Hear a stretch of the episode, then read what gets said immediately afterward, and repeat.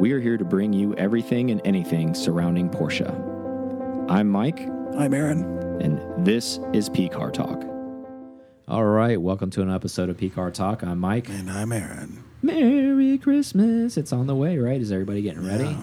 Yeah. I keep somebody said it was like next week. I'm like, no, it's not. Yeah. Lies.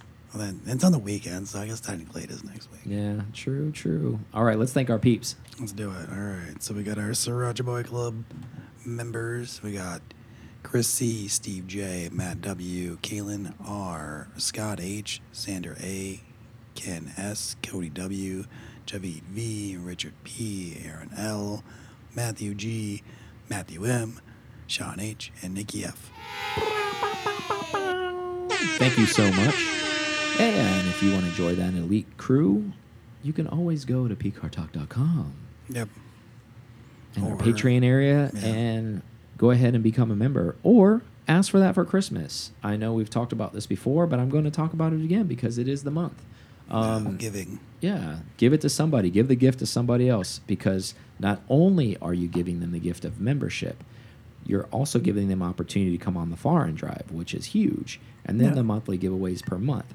Um, also, if you don't know what you want for Christmas and your membership is closing or running out, or maybe you're just a club member, maybe ask your significant other to buy you a Sriracha Boy membership Yep. um, because we're still trying to keep that going. Because if we get a certain amount of members, the whole goal is to do a spring rally with that.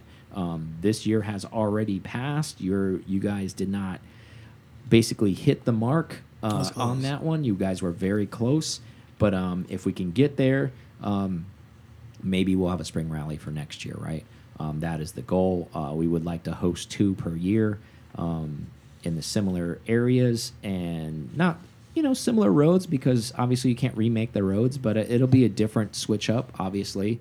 Um, but it'd also be giving people more opportunities since we're limited on how many can actually come to the foreign event. That's true. So it'll give a little bit of diverse. It's more limited. It's limited, limited, I guess. Yeah, We have and if you can't get enough, kind of like us, you want to attend both events, um, you will have that opportunity as well. So maybe we'll throw a throw a combo deal or something. yeah, I think that might be a good idea. Um, you know, at, we can't get enough of that driving. So honestly, I, I, I imagine I can rattle off probably 20 or 30 people that would love to do both. Um, however, so I'll close on that topic. Go, it helps us out a lot. You're going to be starting the new year. Go ahead and give the P Car Club membership and a Sriracha Boy membership to somebody. Gift yourself and give someone else. Yeah, hey, super easy. Patreon.com forward slash PCarTalk. yeah, and start start up with your juniors too. You it does you don't have to be an adult. We're not like the other club where you have to enter a VIN number um, in order to be a member. Um, you can help support us, and you will get apparel with that support. So if your junior wants to be part of that, wants a sweatshirt, wants a some of that cool Porsche stuff, exclusive stuff that we we provide. Um, again, essentially you're buying it, but you're not um, with your membership. You can't actually make a purchase on it. It comes with your giveaway. Um, so it's unique when it comes to that as well. So when people see you around at either, you know, a Cars and Coffee or a rally, and people wonder what that is, uh, you can tell them, hey, you know what time it is. You don't know, you better ask somebody. Um, Exactly. So, all right, let's get on with the show. So Porsche, surprising we're talking about them, I know, um, due to make a hypercar in 2025, according to the CEO. Interesting. Um, we kind of thought this may be coming just for the simple fact of the LMDH program. Yeah. Or they're not going to have one. It's about that time. Yeah. The interesting thing, which will continue, you guys will find out moving forward here. I don't think those. I mean, there's going to be some dynamics. Of course, racing always translates, but this is suspected to be a full EV. So, with that being said, maybe just the hybrid system from this car is what's going to go into it. Obviously, maybe some aeros, some other things that they learned from racing that maybe will tie into this car. Um, however, the CEO had confirmed there's no numbers, there's no it's too far out to say what's going on. Um, however, the full EV hypercar situation seems to pretty be on par with every what everybody else is doing. Lamborghini's already announced that they're going to do something to that effect. Audi announces they're going to make a hypercar full EV situation. Well, that makes sense with them partnering with Rimac and Yeah, stuff like that. So maybe that's what they were AKA doing. the R8 relaunch with just EV, basically, is what it's going to be. I mean, it's not going to Yeah. probably look like an R8, but it's going to be R8 e-tron or Yeah. something. Or it's going to be the uh, successor to that car, essentially. Um, so I guess it's on par with manufacturer trends um, that Porsche would be doing this. Couple things I I, I kind of want to address with that, and, and it's this is going to kind of turn into a long topic, and you'll see why. Um, a is it is it Porsche still kind of paying the piper for this Dieselgate that VW was in? They were also involved in. Um, is it that? Possibly. I don't know. Um, because if we're, we've talked about a lot, and, and you're probably tired of hearing about it the last hurrah, the golden hour, all that jazz that we've been saying. If it is that, um, why already turn the page into an, e- why not make a ballistic internal combustion engine for your last hurrah hypercar? I know they already have the 918 Spider hybrid that, thing that, that they've done. the, that was the CGT is what they did that with. yeah, but I, I think mean, because they, if you think about it, so if they CGT and we had 918, which was the hybrid, and they that that whole gap that they do with all their hypercars were new for the EV. If if they're going to be on point the way we think they're going to be with their EVs, which have a hybrid and then full EV. Mm-hmm. So they're already looking. They're I mean, obviously they look 10, 20 years out. Yeah, I agree with that. Um, but why not make something that's going to probably kill you again? I, I- think. I mean, they I think will it'll with a hold. full EV. I, I there's no doubt that those things would be thousands of. yeah, it'll be over a thousand horsepower. yeah. That's on par. All these cars are over a thousand horsepower. It, it- the the the Lamborghini one and all that kind of stuff. I don't think power is a thing. Um, I think the drive enthusiasm is going to be a thing, and and, and that that kind of opens this up for the discussion of that I kind of wanted to have is what does this car look like in 10, 20, 30 years? This doesn't Outdated have tech. Yeah. This looks like a black and white TV is what this looks like. This looks like a BlackBerry, The one that one like the that scroll doesn't fly text one that nobody wants anymore other than very obscure electronic collectors. Yeah, that's a good point. I mean, because we were starting to that generation, like if, if you related it to phones or anything else like that, because now we're it's so far in the tech world that Yeah. yeah, you get your I know Gen there's- one. Yeah, I know there's people who one want a Gen 1 a- a- Apple iPhone. I mean, maybe, that- maybe, but it doesn't work. That's I mean, that's that the point. that's like, where I was going to go with it. Other than like that's different for for maybe a bookshelf collectability. You put that Mm-hmm. in a glass case, however you want to display that, right? Okay, well, what do you do with a a three? Well, let's be real. Even with it being a hypercar, it's probably going to weigh four thousand pounds. What do you do that with a conservatively. yeah, What do you do with a four thousand pound paperweight? Well, it's definitely collectors, and do- do I mean the other question is, do we see them?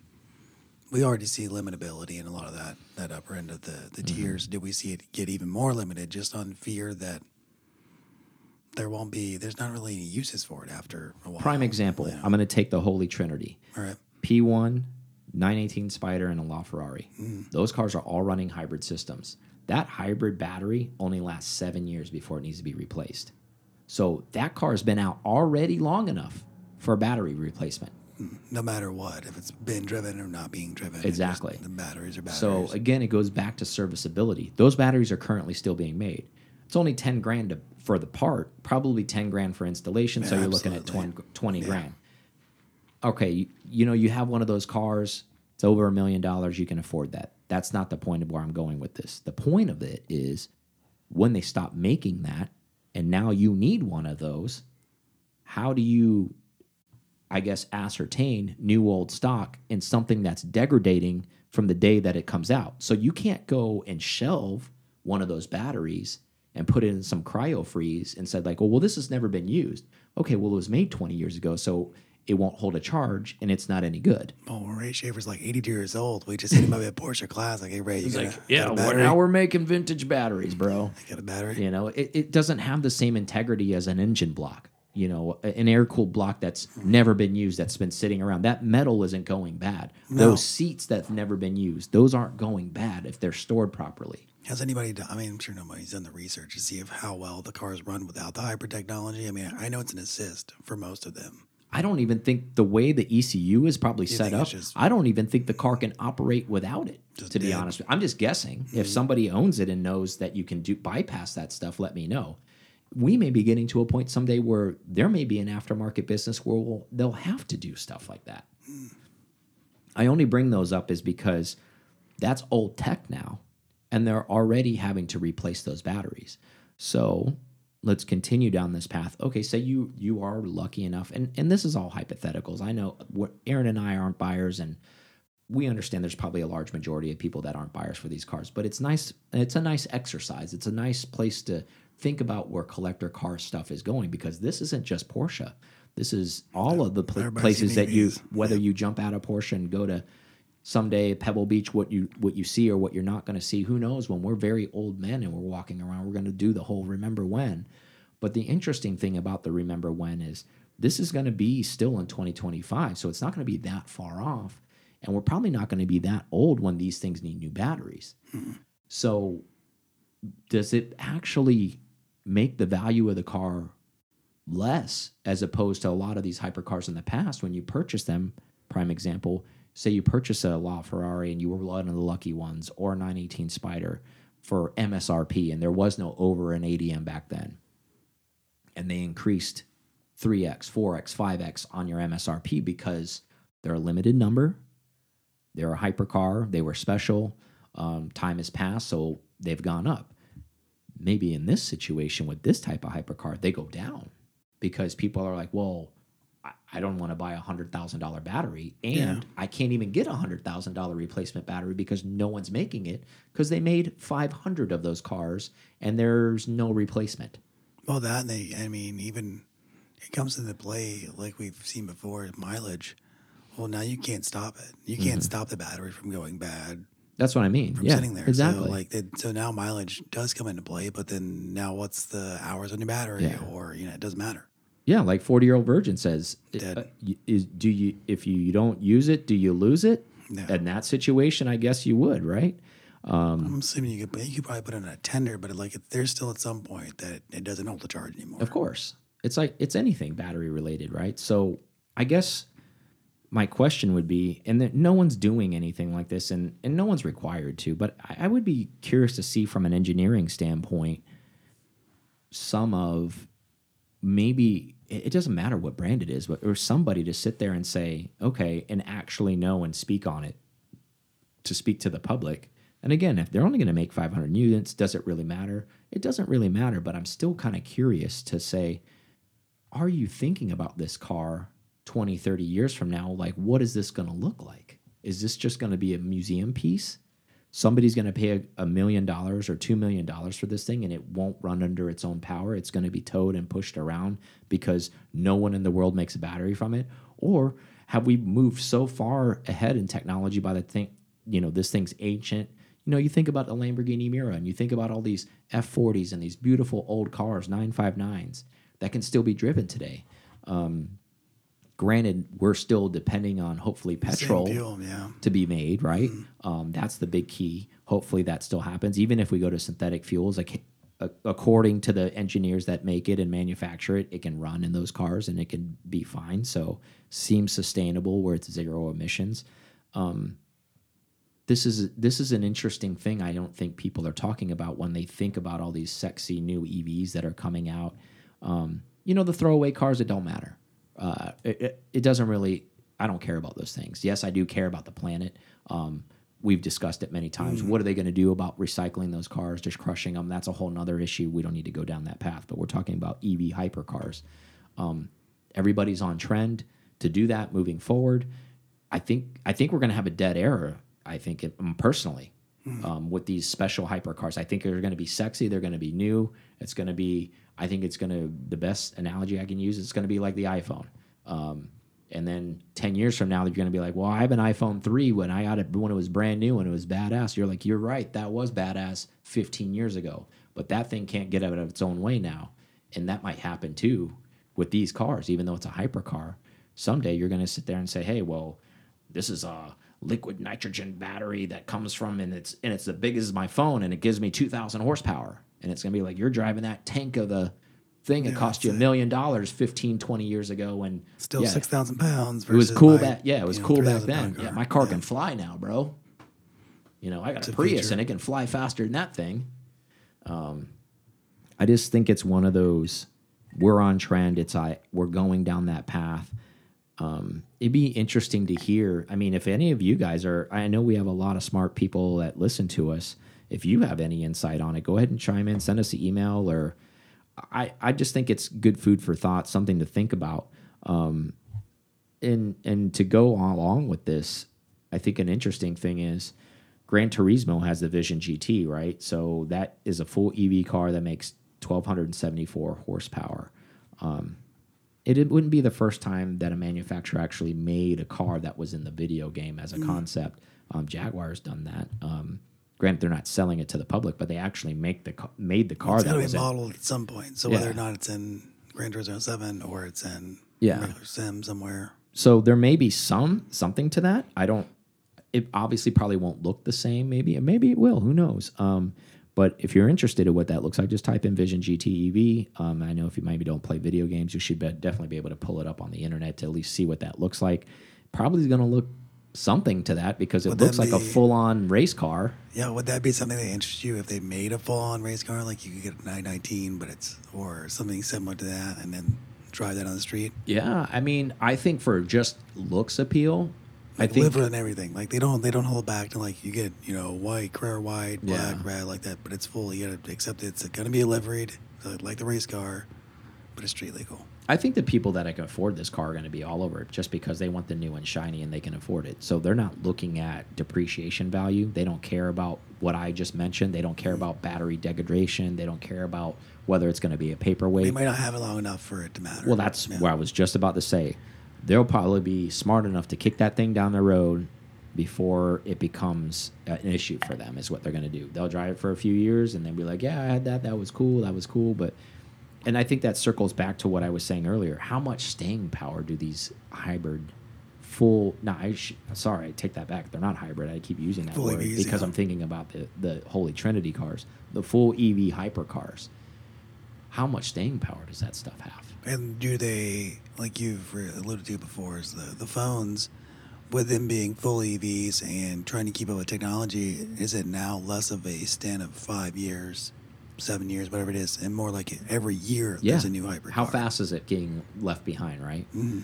And then I thought about this as well because we're all about originality. At least most collectors are, maybe not us uh, personally when I say that. But if the car is going to be worth some value, right? For example, if you're going to go buy a 959 and it has a different motor in it that's not a 959 motor in it, is it really a 959 anymore? Well, it's worth a lot less. It may look like one, but it's not that, right? Say you put a 930 motor in it and it's air cooled, it's not water cooled, and maybe some people don't know that. You just got mm. educated 959 motors, water cooled. Where I'm going with this is what if there's some aftermarket company and it's not factory anymore, but they're the only place that make batteries for your car 15 years from now, your hypercar, and you put one of those batteries in your car. Does that devalue it now? Instantly. Done. Better. You're like, better- oh, you got one of those uh, Mickey Mouse batteries in there. That thing's, but now, even though that battery's better, and it made the car better, and maybe even it added more power, Yeah. or its, range is better because of it. Should have just left it- it, dead. Should have just left Yeah. it dead, sitting there. I think that's what's. Uh, we laugh about it now because we don't know what that's that conversation looks like yet because we haven't actually crossed past that threshold. Mm-hmm. But I think, as as ridiculous as it sounds, I think those those words that you just said will come out of somebody's money. mouth. Parking money, literally. Somebody will come out. You know, there will be whatever RM Sotheby's looks like Yeah. in 2045 Roll it on dollars. up 2050. People are going to say, this car no longer has its original battery. Uh, it is da da da da da has a variant battery from so and so, but gives it an extra 100 miles of range and an extra thousand horsepower, and it's going to be like down the like it's not original. I don't want it. Little Antiques Roadshow. Exactly. It doesn't have the original crap battery that was made from the manufacturer on it. Sorry. Points off, especially at like a PCA show. what are you doing here with that? You don't even have the original charger, bro. But I don't know. I think it's a lot of food for thought. It's a lot to think about. What do you think Um, it's gonna look like? That's, I mean, does anybody? No one's done renderings. or it's gonna no it's gonna so uh, here's what i do know um, without obviously it, i know it's gonna be radical Mm. because all of the ev hypercars that are coming out because they're evs allows them to change the design language allows them to make them not look like normal cars they make them look like cars from demolition man like the og one. Yeah. like crazy stuff like that concept cars that you see in when they made those future movies and stuff like that um, they're going to look like that um, so that's going to be kind of cool i guess to see those occasionally because again they're going to make a Yeah. small amount um, it kind of be co cool to make these things even if they're battery powered but you know like the whole thing about hypercars and maybe you know high end like the halo car for whatever brand there was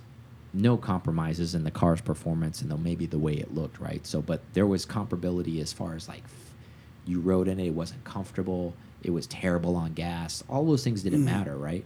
I think this would be great if this wasn't like there were some compromises with this car meaning like if you hooked it up to like a charger like a, a normal charger like say you were going out to eat like down down on the beach or something and there's mm-hmm. a supercharger that you can plug into it like shuts the whole block down. Just takes like it all takes all the power out of it. Like i think i know that sounds ridiculous but i just think that like everybody's like really bro? The guy with the hype of course this is you. You're like sorry bro what do you want from me? It's, that's like the only man made 500 of them i'm only going to be here for a little while. Double the voltage. just like takes just it out, something takes out that the like yeah something Yeah. that they're known for i guess you know it's like oh hey you drive that car They're not worried about range. It's a hundred miles of range, no Yeah. matter what. Like yeah whether you're on it or not on hundred miles yeah, range. like needs just a new set of tires all the time. Yeah. you know, like just wild stuff. I I I think that's what makes a hypercar a hypercar, right? You're like, I can't even get in the damn thing. Like I have to be like shoehorned in it. Like I think that's we've gone away from that stuff. All of these new things, it's like, oh, it's easy to get into. It's so easy to drive. The power is linear. It's this. It's that. I think that's why people preferred the P1 over the other two cars so much Mm. more because the P1 still tried to kill you unlike the other ones that are like, oh, it's really compliant. Yeah, it's super fast, but it's it behaves. It does all these things. so different from what we've had in the past with hypercars. Yeah, I think it's just like turn back the clock a little bit. If we're we're going to a modern age and everything in everybody's life is compliant, right? Oh, your coffee's always great. Uh, your your car that Debatable. is yeah. Well, I'm just saying in Yeah, general, know. you know what I mean? Is like everything's on point. Like there's a there's I I do like that there's a standard to be achieved in any aspect of life, but I think in this part of life, you almost kind of want it to like be mean to you and like make you feel alive, like Yeah. kind of like kick you in the face and kind of have like a have a three thousand horsepower option. Yeah, like where you get in it and you're just like, I'm afraid to drive this thing, man, because I think it's literally gonna either a kill me, um, or not start. like be- that's how it used yeah. to be with some of these things. It's should be like two wheel drive. Should be tons of power. Just Mm-hmm. craziness. I wonder if they're gonna lose the essence and a, and a lot of the manufacturers of like what their uh, design language are is over time. Because if it's electric and it can be so radical, is it even gonna be similar to anything they produced in the past? that's a good point. That's a really good point that I didn't even Are think going to about. lose it? Like, is it going to be? Will it be another 996 moment where they're like, okay, we can go back to the board and do something different? Is it going to be too much? They have to pull back later on, or are they going to be? Yeah. They're Are gonna we gonna it. Like for example, is Lamborghini? They'll go away from the wedge shape, right? Like that they're so known for, or stuff like that. Um, just as an example, Mm. um, I think that's a great. Yeah, I, I think that could probably be said across the board with Porsche, right? so, yeah. Because we've talked about the skateboard technology of I think pulling this off, the, putting the that on. lights, everything like we've seen the Cayman GT4 E Performance, whatever it's called for the the race car. I think everything's going to slowly go more towards the their uh, their hyper their race car, Mhm. the 918. Yeah. but I could see that. I mean, there's a couple things that we can almost guarantee what this car is going to look like, right? It's going to be pretty much an inch off the ground if it's a hypercar. Mm-hmm. It's if it's full EV, which a lot of people are saying with a higher pay grade than us, that's going to be. So then you have that skateboard technology. So it's going to be flat bottomed. Obviously, it's going to have great aero. arrow. It's probably gonna have like middle aero. That's the only, that's the only thing we haven't seen for technology yet. Is anything kind of in the middle? We've seen front aero. We've seen front bot like the uh, front lip aero. We've seen now the rear wings Mm-hmm. move and the GT3 RS is. Exactly. Um, I don't know what there's left to, to make move on a car, but I'm sure they'll figure it out. I think the last, probably the last great Halo. I don't even know if you'd call it a hypercar. It's probably above hypercar, whatever that technology is, or Gordon Murray's latest thing, right? Yeah, The the T50 or whatever it is. That number. I mean, that's a combustion engine car that revs to like fifteen thousand, I think, or something. Yeah. Like, or I mean, I think it's twelve. Really, It's got that fan turbulent Yeah. um, aerodynamic thing. I mean, that's probably going to be the last great, I guess, Halo Halo car, right? It, the 12 cylinder setup that he has and, you know, turned the world on its head. And then he did it again when he came out with the McLaren to be the F1 when he began with. So, not surprising that Gordon Murray is probably going to bookend this thing, right? Yeah, like on, that, on, yeah. on a combustion engine yeah, side, at least engine, yeah, for sure. not surprising at all uh, with his brilliant mind. And I just feel like because he's always done his own thing, and I guess you would use the coined, you know, corporate phrase, he's a maverick, you know. Uh, but in all sense, he really is. Uh, he doesn't have to work for somebody and doesn't have the bean counters and he doesn't have a board to answer to. And people are like, well, you can't really do that. And that doesn't really make sense. And yeah, his stuff didn't make sense. It's we're the living in engineering works, and that's about and- it. That's all he cares about. before he even made the first one, every wealthy person in the world was begging to buy a car and be on the list, and they had to up their production from based off what they were already at with it. And I think those people are going to go by the wayside of because of what's going to happen moving forward, at least in the automotive world, where the engineers are being crippled now. It, it's going to go all into radical design and aero and all that stuff. It's all going to be aesthetics, right? So all of the engineering engine and the drivetrain and all that sexy part where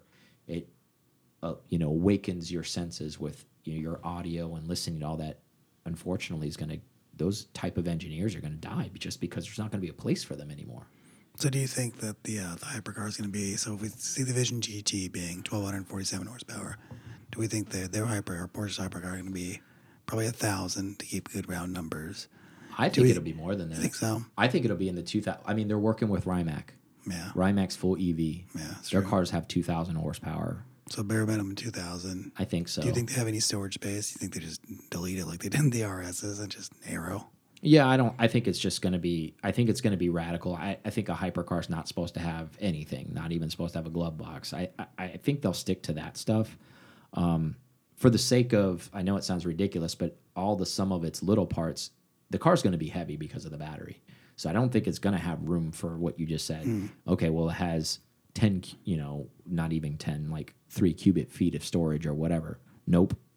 We need that. We need that to lighten the car up. Whatever more aero, more this, more that, all carbon, whatever. Um, and it's still going to be heavy because even though they've, we've talked about on many, many shows, all of the buildings they've bought and all of these people they're partnering with to maximize battery technology, maximize lightness of the battery. I think we talked about that on a show a couple months ago, and they figured out a way to make the batteries lighter and all this stuff. It's still going to be heavy. So 2,000 horsepower, 2,000 pounds, because all of a sudden they figured out some Yeah, space age right. technology. If they do, then maybe that's the way they they they put their mark on their hypercar. Um, who knows what? Because every time you make a hypercar um, or a Halo car, I should say, whatever manufacturer does that, there's something they are impressed with when they do that. Meaning, like, this is the first car to fill in the blank. So whether that be Porsche or any other manufacturer, there's going to be something they do that no one's done or can't do. You know, whether it's weight ash, uh, uh, weight ratio, whether it's power ratio, whether it's whatever. There'll be something there. We just don't know what it's going to be yet. So that might be exciting, right? That'll be a nice. What's the Easter egg here? What? Oh no, there's nothing. Okay, cool, awesome. Excited to see. Uh, Called everything. see it because we won't be able to hear it. You know, other than the Yeah. Star Wars noise it makes when it goes by, right? Uh, Taycan Turbo S with a body kit, with just a body Yeah. put on top And to be to be fair, be, so we'll close this top before we go on a break. Porsche never said that this is going to be an EV. This is just the collective people that are close to Porsche saying it's going to be that. However, I don't think they're wrong. They can't. They, I don't think they are either. There's too many cars. Like we said, the CGT 918. It's time. But dude, why not make something just like really like flip the market on its head? You know how people would absolutely go nuts if they made a naturally aspirated successor to the Carrera GT. Yeah, that'd be insane. They're like, just when you thought we were gonna make an EV, boom, we just made another V10, son, and it revs to twelve thousand. Or pull the pull the Dodge card and make uh, a vintage thing, and then also make an EV thing at the same time. They could do that. I don't. I think the Germans are too clinical for something like that. No, I think that's why I agree with you. I think it's going to be full EV and just crazy. Yeah, they're they're so Would be- technology moving forward based. I, I feel they love their past, but the past is the past for a reason. Mm. And I think they're always moving forward and trying to open those new doors, which makes me a little sad sometimes. And- and maybe if they let Andy Preuninger in there and let him design the hypercar, maybe this thing would be fully naturally aspirated and would be pretty awesome, right? Like, how sick would it be?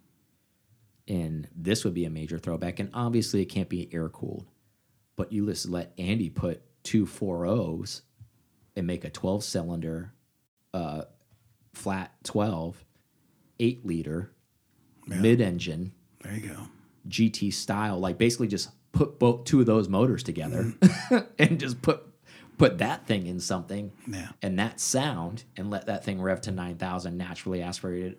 You want to talk about a world stopper, that would definitely change things momentously and a reliable one where you can sit there and hammer on it over and over and over again, fully naturally aspirated, and you could make it light because you already know what that motor weighs. And so you could do your design around that. And I don't think anybody would give them a hard time about like, oh, all you did was took two GT3 motors and stuck them together and made a 12 cylinder. Yeah, and it's awesome. Nope. 917E. Okay, or whatever you want. to Whatever whatever you want to use. Throw back the whole thing. Yeah, hopefully that trickles its way to Porsche before they start designing stuff. Maybe they'll make that. Fingers crossed, Full right? carbon fiber 917 with a 8 liter 12 cylinder. You heard it here first. Andy, make it happen. Push it. Push it. Make it happen. with a PDK, which would be totally different. Yeah, it would rip. Anyways, let's take a quick break. We are back. Yeah, we are. posed this question by a friend of mine, Matt in Charleston. Um, it's a little bit of a hybrid. I kind of changed it a little bit. Um, and I'll get into exactly what he asked me towards the end of it, but I don't want to do it as a spoiler. And Aaron and I kind of played this game before, um, but I guess this is a little bit more appropriate. If you have 100K within Porsche, um, and you can only buy one. So like we're not playing the game of okay, I, I, I found like a super good deal. I'm gonna buy a race car, a Cayenne, and a Boxster. It's a hundred grand. I did find or, those things. or close to a hundred grand on one car within Porsche. Yep. What would you go with, right? And I and I text this to So them. can I be over by like a little bit? Like if I Yeah, had, there's a little bit of forgiveness here. Like I could obviously, a thousand dollars down. yeah, like there's a little bit of forgiveness. It- All right. I mean, I wouldn't say 20 or 30. Obviously, you're, No, you know, but- like a couple either way, right? Plus or minus. Okay. We'll do a standard deviation of like three or four, right. Okay, that- to be fair. Um, so obviously, I'm going to go first. I, and it's pretty obvious where I'm going to go with this. What and, are you gonna go with? I'm sure everybody's shocked by this, but it, within Porsche, and I, and but I'll give the explanation why, and it's not all the same explanations why I used to like why I always pick this. So clearly, I'm going to pick a 964 C2 and manual, any color, honestly. Uh, one a coupe. Uh, don't care if it has high miles. Hopefully, it um, has some decent records. If it doesn't, I'm still going to roll the dice on it. I did find one at 98,000. Um, and actually, the car had not crazy high miles on it. I mean, Like it was for a sale currently. but bone, yeah, currently for sale. Um, bone stock car. I don't think the the one drawback didn't have really any records. Okay. It was like ninety two thousand miles on it. Um, didn't look like a bucket though. Looked like an we'll drop the link in uh, on Patreon. yeah, So, look look like an enthusiast owned car. Like. Um, it was a black car, black interior, um, C2 manual with cup wheels on it. It was a 1990. It was a good car. It looked like a cool car. I, I, I mean, strong money is 98,000. Let's be real. Yeah. Um, I'm not trying to dismiss that, but the, the number is 100 grand. So my why behind this car, um, I really feel like in the next 10 to 20 years, I know there's a lot of shock still within Porsche and my, including myself, uh, I full disclaimer, I haven't been in Porsche all my life, but even since I've entered, I've seen that car go 2x, 3x on what cars used to cost um, within the 964 community. Um, I really think that's not. Some people may think it's the end. I really think the 964 still has room. Um, and what I mean by that, in the next 10 to 20 years, um, we've seen how much of the surplus has dried up already. Mm. Give it another decade, give it another two decades, and see how many 964s you're going to see for sale. I think it'd be next to none. So if you search right now at any given point, there's maybe four or five nationwide for sale on, on public Yeah. uh, advertisements. I know there's plenty for sale, probably. Uh, uh, you know, the homie has one for sale type of deal. I get that. Um, but in all seriousness, the, the ones that are out there for the public, can you find one? Yes, people can find one. Um, there's all means to that. Um, I, I think this car selling at, let's say, just take the one I think at right now that I'd pay for that car. Even it's going to go well over 100,000 miles on the next 10 years, even 20 years. But I think if it's well maintained, has good records, I pay 98. I could sell that car for 150 grand in 10 years. I really believe that, even it's a 100 plus thousand mile car, which sounds crazy.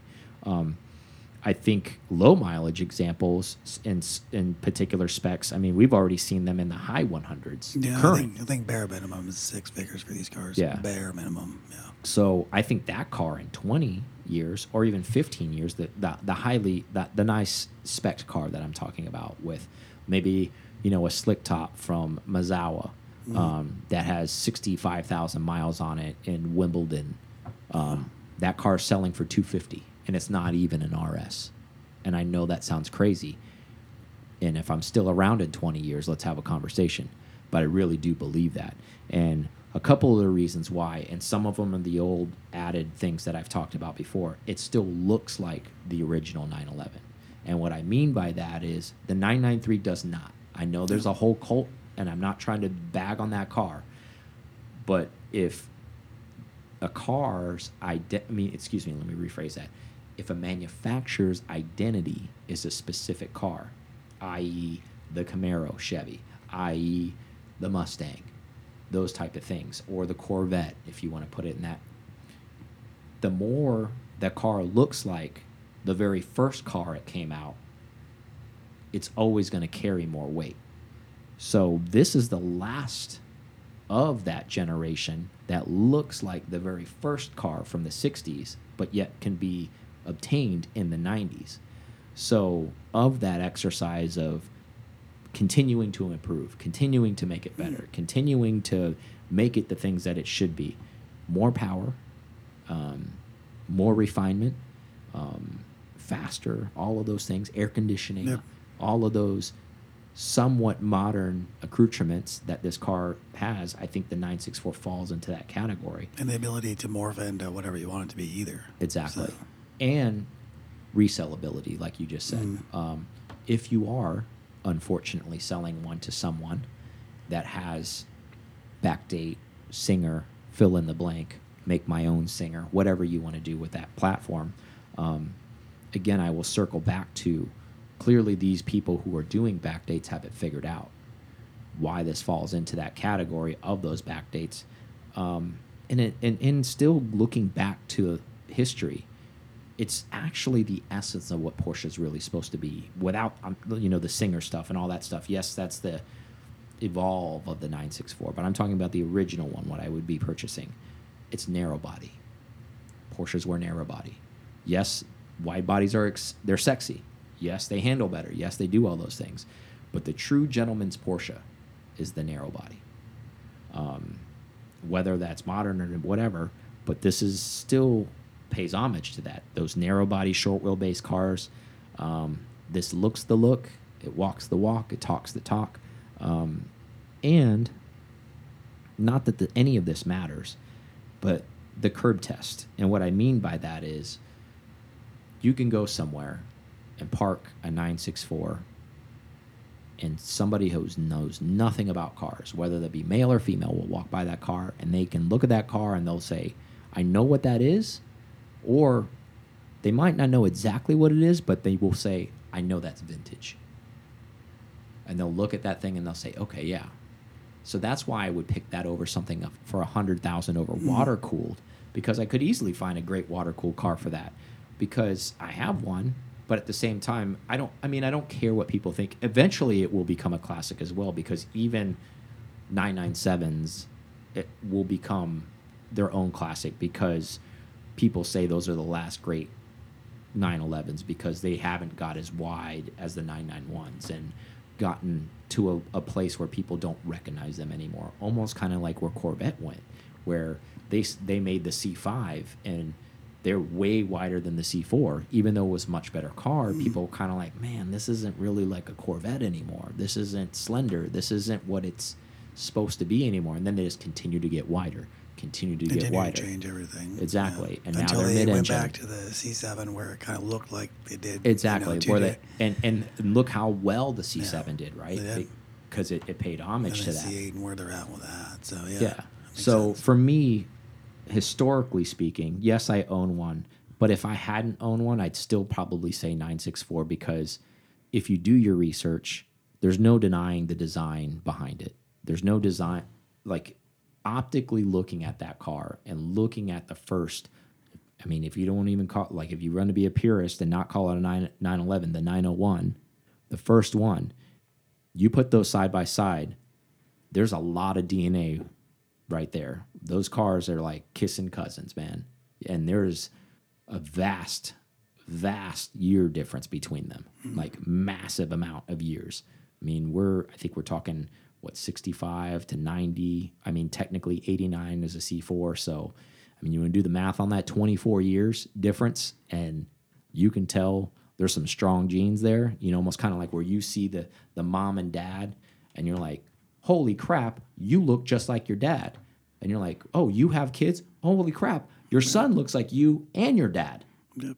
Like that kind Grandpa of stuff. looks the same. Exactly. And it's like, holy crap, you guys all have that cinder block head. You guys all have that super strong chin, whatever that is. Like you guys, it's it's literally replicating. Um, and I think that ended in the 964. And I've said that a million times. But really, the intimate cabin, and to close on the 964 before we get to what Aaron picked, I feel that that car is more versatile than something more water cooled currently. Maybe someday that won't be the case, but current market, meaning I can go to a vintage car event with the 964 and I can go to a modern car event with the 964. It can definitely play in both arenas. Um, I can go to I can go to an air cooled rally with it, and I can go to a water cooled rally. But it's not just specific water cooled. If it's just all Porsche, that car will also fit in there. Is it a little underpowered than the other cars? Of course it is, but it still will hold its own. I mean, it, it it's not a 356. We're not talking about a Volkswagen like running around out there. barely like 80 Like, horsepower. yeah, 100 this car this car might get gapped, but it's going to stay with the pack at least. Yeah, that's the curves will make it up for sure. Yeah. On how it's set up. So for me, that's where I spend that money, and I know that's cliche because I have a 964, but that's my reasoning behind it. Um, and to close on that topic before I pass it off to Aaron, Matt asked me flat out uh, in a personal message of if you know if you're in the position and you can only keep one of them, which one would you keep? And I told him 964, and I didn't even have to think about it. Um, and to a couple people that I also respect in the Porsche community, my buddy Pedro, you ask him, he's had a million cars and he has several fun cars in addition to his 964. He said, if you had to strip me down and take everything from me, which one would you hang on to if you're allowed to hang on with one? He says it's 964. Um, I have a couple friends in Atlanta that say, man, I don't know how I live wife without a 964. Um, and I know that's there's a little bit of hype around them too. And if you've never driven one before, I think it's easy to buy into that. Oh, these guys are all just kind of riding the hype train. They're all this. It, it really is a different driving experience. It's it's vintage and slightly modern at the same time, which is an interesting blend. And I'll leave it at that. Um, so that's why that's that was my pick. And truly a bone stock one. You don't even have a have to have a modified one to have a great time and a great ride. Um, honestly, it drives proper, it smells proper, it looks proper. It, it's just it's the all rounder. I mean, literally, if you can just if you had to scrape together a hundred thousand dollars, and there's your significant other was like, you got one shot, and you're never buying anything again. And this is your one fun chance because I love you so much and you're so good to our family. And you do all these things. Yeah. Yeah, before Yeah. you go throw up your spaghetti. But uh seriously, in all seriousness, and you got well, one place in the garage to put it in, maybe. Whatever you got. We've talked we've played this game a million times if you're an avid listener. Oh, you live in the city, you have this. And I mean you could, if you didn't mod it up, you this is a daily drivable car if you keep it relatively stock. It's pretty compliant. It does all the things you need it to do. You you can get your AC redone and it and it blows cold because it's a small cabin. So you're basically sitting on the AC. So it's not that big of a deal. It doesn't have all this greenhouse to kind of cool down. It it can do all the things. Um and I know I've been selling that car, but uh I, I am a believer. So what did you pick? So I, I, I made a list of a few things because I was just. Uh, Let's hear them all, though. I, I like see, this um, exercise, though. See what? So my first, my first uh, go, probably throw you for a loop because you wouldn't expect it. 1980, 930, 3.3 liter, Nice. punched out to 500 horsepower, G50 transmission. Okay. Uh, the interior I thought was red, but it's got some like red race seats. Those, those would go. What was the price on it? It is currently listed on eBay for eighty-four thousand nine hundred ninety dollars. Hell of a damn deal. for buy it now. I like it. Um, and the mile, let's what the mileage was. Mileage wasn't too bad last time. I Mystery records? I'm pretty sure it's a Scooby Doo mystery. Okay. Still worth the risk. Probably. Probably so. gonna need Oh, engine. oh, and uh, slant nose. Okay.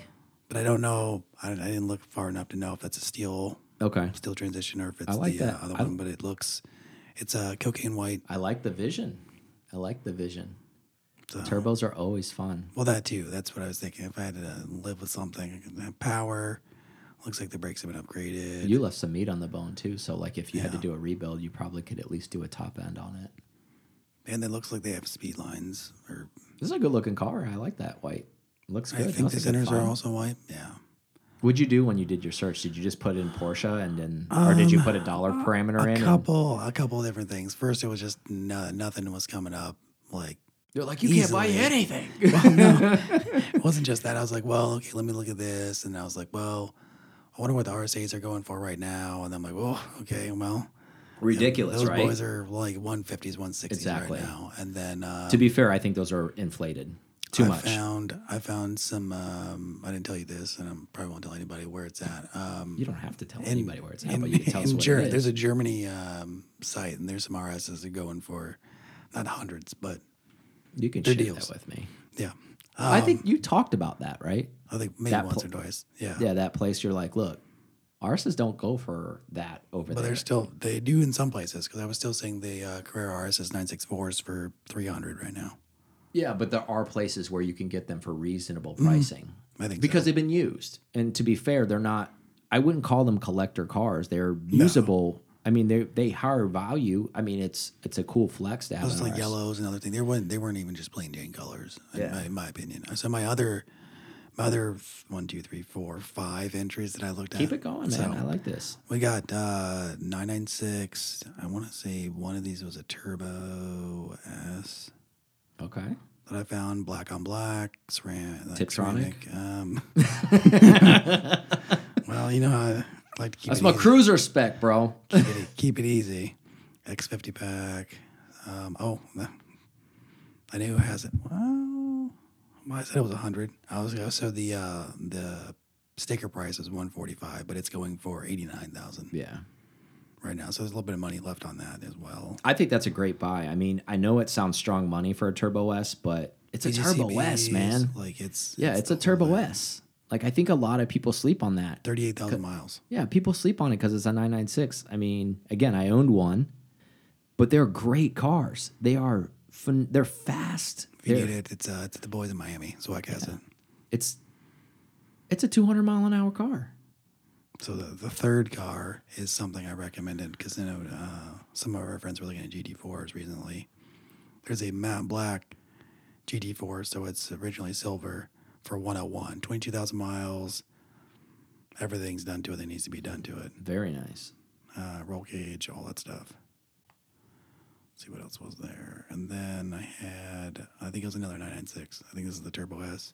Okay. Find a Turbo uh, 05 Turbo S for 99. Great cars. Let's see, it was 65,000 miles. It's a little bit higher mileage. Yeah. But I mean, those things, it's a Metzger engine car. We all know those things go literally forever. I want to say there's somebody in the northern part of America that has a 996 turbo that has like 300,000 miles on it, and they had never opened it up, but they did just to do it. And there wasn't any cylinder issues, there was nothing in the case that was wrong they all leak a little bit of oil. It wasn't like a sieve, but 300,000 miles. The guy dailied the car since since basically 02. My my last one is a, a, a champion. It's an 08 uh, GT3. Guards red, black interior, uh, red center console, red belts, uh, RS steering wheel, Nice. and it's got 60, 67,000 miles Mm-hmm. for 99. Really? 9999. Yep. Salvage title or anything like that? Uh, or not do you seeing know? any of that stuff. Everything looks looked legit. Even if it's not clean title, zero Wow. accidents, eight owners, that's okay. Wow. So you and, and, a, and at a Porsche dealership. so you too, found a unicorn. Uh, yeah, today. So if Yeah. anybody's looking for a GT3, There's a guards red one out there, right? It's a dot one. dot one, So of those five that you mentioned, nine thirty. I think I'm really. okay. I'm so the really- first one you mentioned, Yeah, I'm really in. Yeah, I'm not. I like that look. It has a cool look to it I've too, always right? liked slant noses, and I saw one this weekend. It's got a very Miami vibe to it, which I dig. Yeah. I dig that that cocaine white with the red interior, slant nose. Even like you said, who cares? It's not a factory one. Obviously, be way. I mean, the price indicates obviously it's It not a can't be, factory yeah. one. There's no way it's. Oh no, it says still slant nose. No, I know, but I'm But yeah, saying it's it's from aftermarket. the factory. There's if no way it was the it's a- 20,000 or 40,000, I was going to say if it's a was. factory one, based on the price alone, it's not a factory one because factory ones start at like 250, 300 because they have the factory documentation. They did so few of them. I would also be willing to bet the motor's not the same motor that was in the car. Probably not. It's probably heavily modified, but it's fine. It doesn't matter. It has the look. Um, I feel. I still think that's a that's an awesome car. No, it's a it's a row car. Oh, nice. Yeah, very cool. I like your selection. Um, so to close on that, like one little topic to talk about, and I think this obviously has something to do with what I brought up. Uh, so a 1994 Turbo S sold for, so that I guess I would fall into the 965 category. Again, I said Turbo S on Bring a Trailer for 1.26 million dollars. Um, seems like an extremely amount of money, a lot of money, right? However, I actually think this is a steal for where this car can go since we're talking about 10 to 20 years. Prime example, I'll give you um, a reasoning behind this. Um, it's a rare bird indeed. So, the real reason why, okay, so only a 100 uh, 965 Turbo S's were ever made. Saw one this weekend. Yeah. So, and of those 100 ever made, 39 of them were slant noses, factory slant noses. Oh, that's cool. So, the other 61 were pontoon style headlights, normal headlights. I know we're going down the rabbit hole, Well, but even the even the Turbo S's have a little bit different uh, look to them. I think they're slanted more, Mm-hmm. and I think they uh, they have like little the first first time we've seen the uh, the inlet ducts yep. on the sides. And so North America only received 17 cars. Oh well, Well, there's only 100, right? Worldwide. That's 100. That's not North American numbers, 100 worldwide. So why do I think this car is actually undervalued? I think this car in a few years, and actually even more maybe, it, it should probably be in the six or seven million dollar range. And why I say that, not because I'm some Porsche nut, and I think I'm, I'm comparing it to its peers. And its peers are cars like the Ferrari F40 and stuff like that, right? That car's already been in the millions. Um, and they made like the numbers kind of janky. uh, a good amount. 1600. yeah, that's what I I, was, I always thought that number was a So lot lower. 16x more of them than this, right? It's a little bit more flashy, of course. Of course. It has a little bit more following, right? But if we break down what actual collector cars are supposed to be and what they're worth, this falls into that. Less than a 100. All of those kind of things. uh, the halo of the brand at the time, the most powerful of the brand at the time, the most rare of the brand at the time. Um, let's not forget this is a 964 with a 3.6 liter turbo in it. Um, the Bad Boys car, like that kind of stuff. This is what that is, but the S version. So most of these S version cars had the exclusive packs on them, meaning fully designed interiors, whatever you really wanted to go, because they were an asinine amount of money in 1994. Um, so another reason why I think that this should be around that price point. Take cars that were built in the 60s and 70s. Take Lamborghini Miura, for example, like an SV that they made less than like 30 or 40 in the world. That's a four or five million dollar car. There is no reason why this car doesn't fit in that category. Is it pretty as a Miura? Absolutely not. But this still was a staple of its time frame in time. So, yes, it's not as old as a Miura yet, but once it reaches the age of a Miura, like let's be real, this car is only 28 years old right now. When this car becomes 40, 50 years old, I think it will be in the three, four, five million dollar range.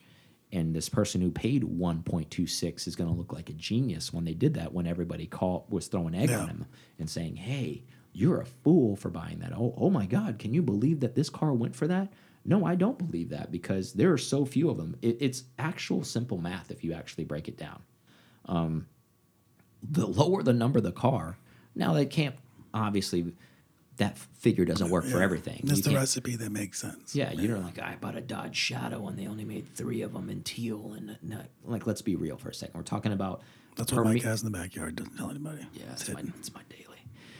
Let's be real. Like when you talk about a premier manufacturer Mm. making a premier level car and their Halo car on top of that, when you have less than 100, less than 60, less than 17, you start, it becomes into that rare air. Yeah, I mean, in comparison, you could say the CGT. I mean, there was way more than that, but still, it was Mm-hmm. it was suppressed for a very long time in the four to five hundreds, Yeah.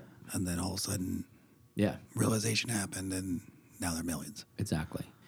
And granted, they weren't making a hypercar then. This is part of that upper air what Porsche was making back then. Do you think Porsche's kind of held back by like uh, it's like in a weird, weird place? At least I think it is. It's where you're always considered having a Ferrari or Lamborghini being exotic, where Porsche's kind of like, well, it's cool and it's different, but like it's not really in that category, even even for rare air like these. I do feel that way, and I think there's. I think that that page is turning though. Um, we're seeing it um, with the CGT, as you mentioned. We're seeing it with the 918 hybrid. We're seeing uh, with specialty cars like this that are going over a million. I think people are starting to wake up, and I still think there's still meat on the bone for people that are fortunate enough to be in that rare air to make those kind of decisions moving forward because I do feel in the next 10 to 20 these cars will be up there and we're and those same people along with us will say man do you remember when you could buy one of those cars for like 500,000 even when that was the case I couldn't afford it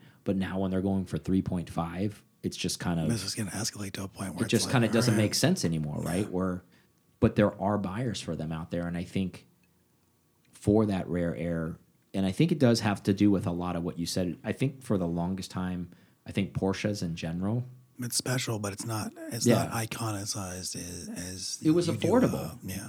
let's be real. I mean, it, it was it was for somebody who maybe went to school, worked hard, saved some money. For the longest time in the 70s, 80s, and 90s, they were attainable cars. They were they were they weren't these I guess in that time frame like Ferraris and stuff like that because the people that were buying those kinds of cars did have money to throw away and the people that were buying Porsches wanted quality but they wanted something unique. So that, I think that's where the where the divide really came. Where the in between is. I mean, everything's more reliable now, but like during the time frame when you and I weren't really alive, and then we were alive in the '80s, but Porsches even around that time were more reliable than its, I guess, if you could call them competitors, they're mm-hmm. Italian competitors, and somebody who couldn't spend that kind of level of money to let a car be broken or not working or any of that kind of stuff, or wanted to drive it on track.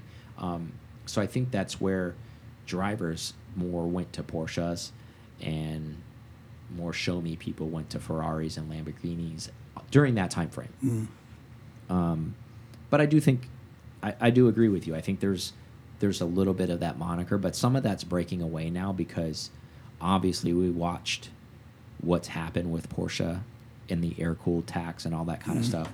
Prime example, again, not to harp on it forever, but though there's SCs currently selling and, and not knocking bring a trailer for this because people are paying for them, um, selling for 75,000, 80,000 and those are twelve, thirteen thousand dollar cars six, seven years ago. And I'm not trying to hurt feelings, and I'm not saying people are overpaying for them, but I'm just trying to put things in perspective. That's what people thought of them six, seven years ago. Now that's changing. Are is it? Are they worth that now? I don't really think that. I don't think you're getting an eighty thousand dollar driving experience from even the cleanest SC. That's just my personal opinion. Um, however, that's the market, though. Yeah. Um, It is what it is. it is. Yeah. So it's it's the same thing where you can compare and contrast anything in our society to that. You can walk down the street and say, "Man, that Art Deco house used to sell for one hundred eighty thousand dollars. Now it's one point eight million. Is it a hundred one point eight million dollar living experience? Probably not. Probably not even close to that. It is now. But that's what you- that's what it is. Yeah. Um, and that's kind of what's happening with these cars, in my personal opinion. Um, I, I think they're catching up. Um, I don't think every Porsche is a gem, even being a Porsche fanatic. Um, I wish they were more SCs for fifteen to thirty thousand dollars because I actually would love to own like a sixteen or seventeen thousand dollar SC to actually daily drive, to actually not tuck it away and think it's something special. Actually, just to beat on it, go to the gym, go to the grocery store, run around town in it, and not actually worry about parking it downtown because you paid eighty thousand dollars for something it should be in the twenties. Um, almost like again what Porsche people have in their brains to think about is I want to drive the car. We're, not Ferrari people. We're not those people that are I don't want to touch it because when the miles go up, the price goes down. It's not like that. We're not those people. Unfortunately, a lot of those people have infiltrated Porsche, and they've bought the RSs and they've bought those Yeah. Halo cars and they bought the one-offs and they bought the 50th anniversaries and they've bought these cars and they sit there and they park them and then the price goes up.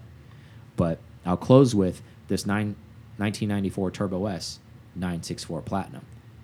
So what I'm saying on that is why I call it that is again going back to the you know a rising tide rises all boats. Yep. Yes, this is not a Turbo S 964, but it is a 964. And as all of these Halo 964s continue to rise, I think it's going to bring up those C2 narrow bodies for the people that want to drive them and want to hang on to them and want to be vintage and want those things. Because as we get older, people still are hunting for that vintage feel because everything now has become so surgical. Everything now, what we talked about earlier in the mm-hmm. show and joked around about, you know, with the EV stuff, everything's so right. You want you want there to be a struggle a little bit. Otherwise, if man doesn't have struggle, there's really no purpose. Yeah, if you have no nothing to conquer, then why? Exactly. Why try? If if if it's not making you better, and maybe we're not- just weird that way, and that's the way that we think about things. But Well, but, a lot yeah. of, I mean, it's it's it's it's primal, whether you want to deny it or not. It, it's men's struggle. You can you can pretty much put in anything in your life into that category, whether it be your relationship, whether it be your work relationship, whether it be the job that you want to have someday, your family relationship with your folks, wherever it is, there is some type of struggle in your life. If everything is perfect, man, you well then you checked all the boxes. What are you doing, man? You're just kind of floating, right? Um, and I think it's very rare.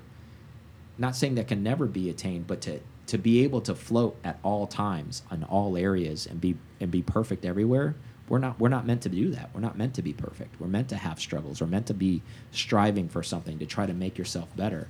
And I know that's kind of a spin, but I mean seriously, that's what makes vintage cars great because there are a lot of flaws. There are a lot of things that suck about them, but that's what kind of makes them cool, right? As opposed to like, oh, I have this EV, it has like 3,000 horsepower and it can go to the moon and back. blow the doors with that dumb 964. Exactly. He didn't even know what this was. You see it rip the paint off as it went by? Couldn't even see it. Blur. You just made my car cooler, bro. You just made it cooler. Go to the rock trip. Pretty sweet. But um, Yeah, I think that was a good exercise. I enjoyed it. I like your choice. I Yeah. like your choice Thank a you. lot. 930 Turbo, cocaine white. I, I TRT's coming up, I kind of want that. I kind of want that car right now. Actually, I, I- would love to own one of those, even if it's not an I think so too. I think I know we drove that And one. that car gives you good vintage vibes, right? So like we talked about vintage vibes. So I think that car that you picked throws those '80s vibes out Oh, there. 100%. Especially slant nose. That was one of the things. Um, I think that you I don't know if you you asked my dad this or somebody did about cars, and that, that, that was one of the first car Porsches that that I noticed was a uh, guards red slant nose, Oh, that's cool. 930. Yeah, Mhm. He was like, "See that Yeah. Porsche?" That's I like, cool. Okay, cool. And nice. that's, yeah, that's one of kind your, of your cemented. oldest Mhm. memories. That's kind of cool. That's a cool thing. So it makes sense why you gravitate towards that. Mm. I think too, with that being that, and and one thing I wanted to bring up, and I totally forgot to bring up, but I'll bring it up now because I'm glad I remembered. I think with vintage cars, that thing triggered my memory when you said that. It's it's a time machine. So even though you've never owned a slant nose, Mm. never ridden in a slant nose, that memory right there is enough for you to gravitate towards that car. So if you ever if you ever gained access to own that car, that that memory will replay in your head while you drive that car.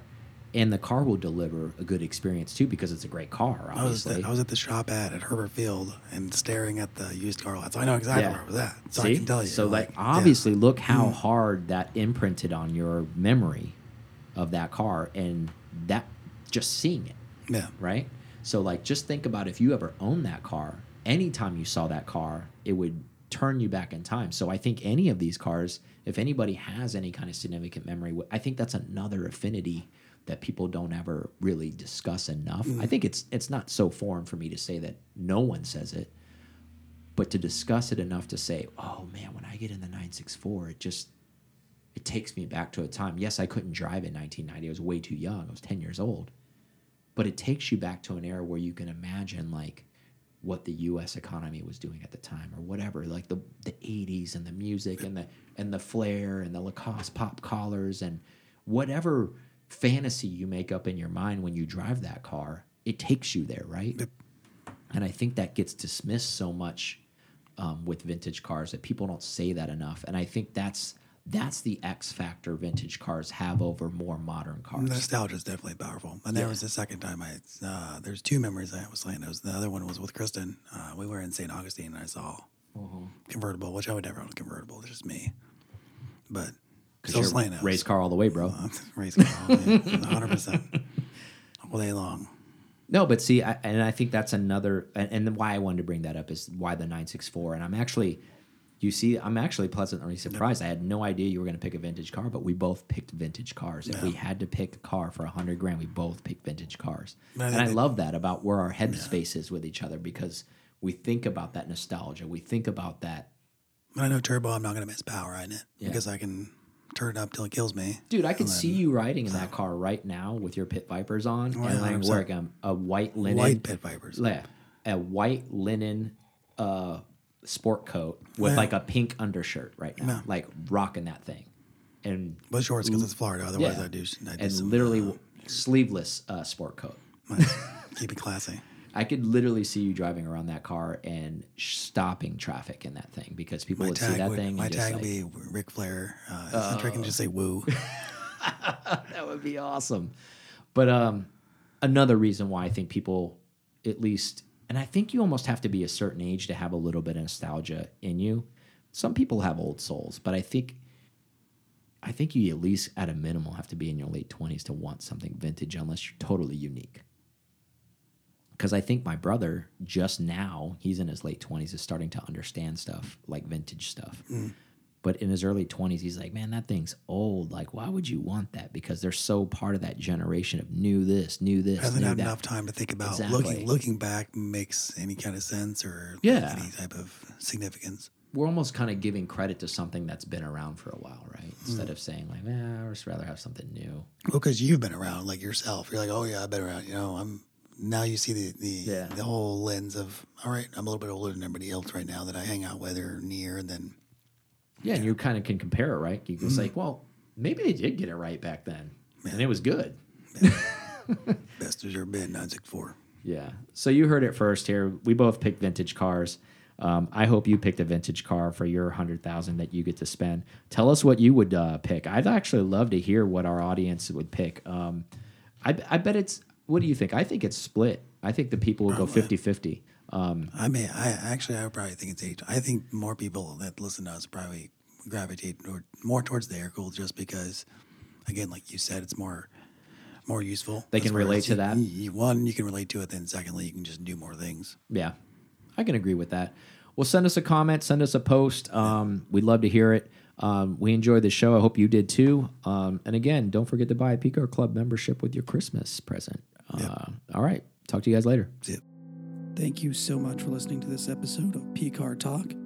Connect with us on Instagram at PCAR Talk or online at PCARTalk.com.